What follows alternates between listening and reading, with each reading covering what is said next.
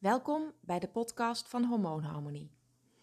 Ik ben helemaal happy de peppy. Het is lente, de vogeltjes fluiten, de zon schijnt. Het wordt iedere dag weer een beetje warmer. En mijn nieuwe website en mijn eerste online programma zijn live. Yes, yes, yes.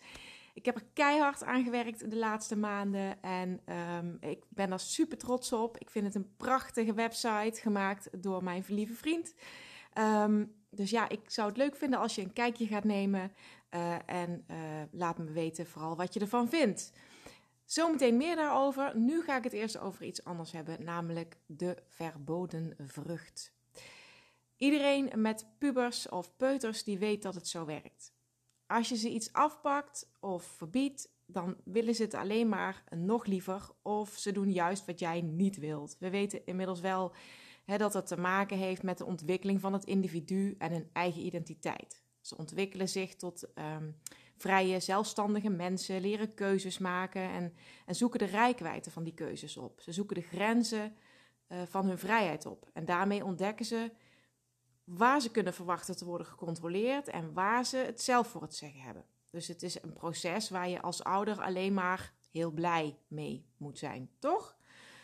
Oké, nou, hoewel we het bij kinderen in deze uh, koppige leeftijdsfase allemaal wel herkennen, hebben we eigenlijk allemaal gedurende ons hele leven die sterke neiging om ons te verzetten tegen uh, de beperkingen van onze vrijheid. En ik denk dat die uh, coronamaatregelen ons dat ook heel duidelijk laten zien.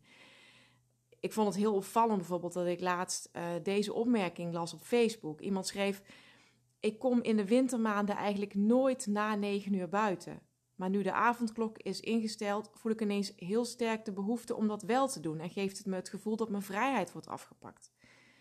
Dus dat vond ik wel opmerkelijk. Dus zelfs die keuzevrijheid, waar je voorheen nauwelijks gebruik van maakte en je niet eens bewust van was dat, je die, uh, dat die er was, hè, dat, dat je die had, dat roept dat gevoel van, van koppigheid, van verzet op. Dus als dingen minder beschikbaar zijn, dan, uh, dan hebben we minder keuzevrijheid. En we vinden het vreselijk om die keuzevrijheid te verliezen. Steeds wanneer we onze keuzevrijheid, uh, wanneer die beperkt of, of bedreigd wordt, dan wordt die behoefte om, dat, om die te behouden wordt vele malen groter dan, dan voorheen. Dus als uh, iets steeds schaarser wordt, of als iets verboden wordt, of iets voor ons uh, minder toegankelijk maakt, dan reageren we daarop door het nog liever te willen dan voorheen. Ik heb nergens gelezen dat het zo is, maar ik kan me zomaar voorstellen dat dat te maken heeft met onze hypothalamus. Daar heb ik het al eens eerder over gehad. Je weet wel, die, die driftige dirigent, dat baasje in je oerbrein. Die is tenslotte geprogrammeerd op schaarste, of met name het voorkomen daarvan. En dat heeft natuurlijk alles te maken met overleven. Je komt in gevaar als er schaarste is aan voedsel, aan water, aan beschutting, um, veiligheid, uh, medemensen. Dus het gevoel, gevoel van noodzaak om iets te te, hebben, te bezitten, wordt juist alleen maar groter als, als er minder voorhanden is. En we hechten er ook meer waarde aan. We geven er een grotere waarde aan. Ik denk dat we allemaal weten hoe dat voelt. Je was je er niet eens bewust van dat je die leuke schoenen echt per se nodig had om te overleven. Maar toen je erachter kwam dat het het laatste paar in jouw maat was, werd de noodzaak toch echt ineens heel erg hoog. En ik denk dat het bij, bij diëten ook zo werkt. En dat is tegelijk de reden waarom ik niet zo graag de term dieet gebruik. Want hoewel die technisch gezien wel juist is, een dieet betekent namelijk niets anders dan een leefregel. Of uh, voeding die aan een specifieke leefregel voldoet. Het geeft aan volgens welke regels je leeft en eet. Maar toch wordt het door ons vaak geassocieerd met, um, uh, met een beperking. Namelijk met iets dat je niet mag. Dat je, dat je iets niet mag eten. Je mag geen suiker, je mag geen snoep, je mag geen taart, je mag geen brood, je mag geen pasta. In plaats van dat we eigenlijk zeggen: je mag alles eten op de manier zoals Moeder Natuur het bedoeld heeft. Of ik mag alles eten waar mijn lichaam en brein blij van worden. Dat, dat klinkt toch al heel anders, of niet? Nou, ik weet denk ik echt als geen ander hoe moeilijk het is om je leefstijl te veranderen. Ik heb daar ja, twintig jaar over gedaan, zo'n beetje, tot ik, uh, tot ik zover was en tot ik ook gevonden had uh, wat echt werkte. Maar ik durf ook wel te stellen dat het echt een van de moeilijkste dingen is om te doen. Met name in de, in de huidige tijd. Waar de verleidingen voortdurend op de loer liggen. We worden 24/7 geconfronteerd met die verleidingen. Op straat, in de bushokjes, uh, aan de kassa, uh, op televisie. En als die verleidingen dan ook nog eens die zogenaamde verboden vruchten worden, dan maakt ze dat eigenlijk nog verleidelijker. Dus het is heel belangrijk dat je je realiseert dat die verboden vruchten geen verboden vruchten zijn. Het zijn keuzes. Je keuzevrijheid is niet beperkt. Die vruchten die zijn er. En als je echt zou willen, dan kun je ze gewoon plukken. Die sleutel tot, tot succes, tot die verandering van leefstijl, die zit hem wat mij betreft in het feit dat je gaat inzien welke consequenties die keuzes hebben.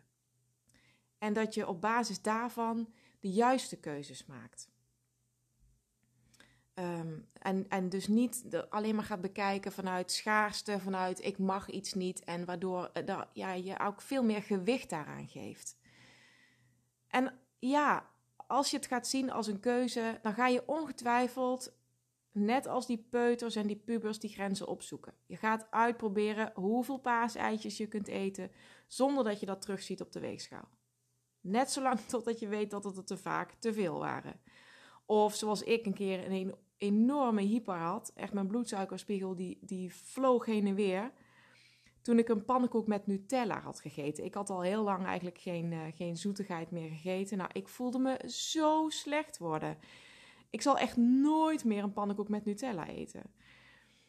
Of dat je uh, ineens dat opgeblazen gevoel in je buik weer terugkrijgt. Nadat je bijvoorbeeld twee broodjes hebt gegeten. Of twee dagen achter elkaar weer eens wat brood hebt gegeten.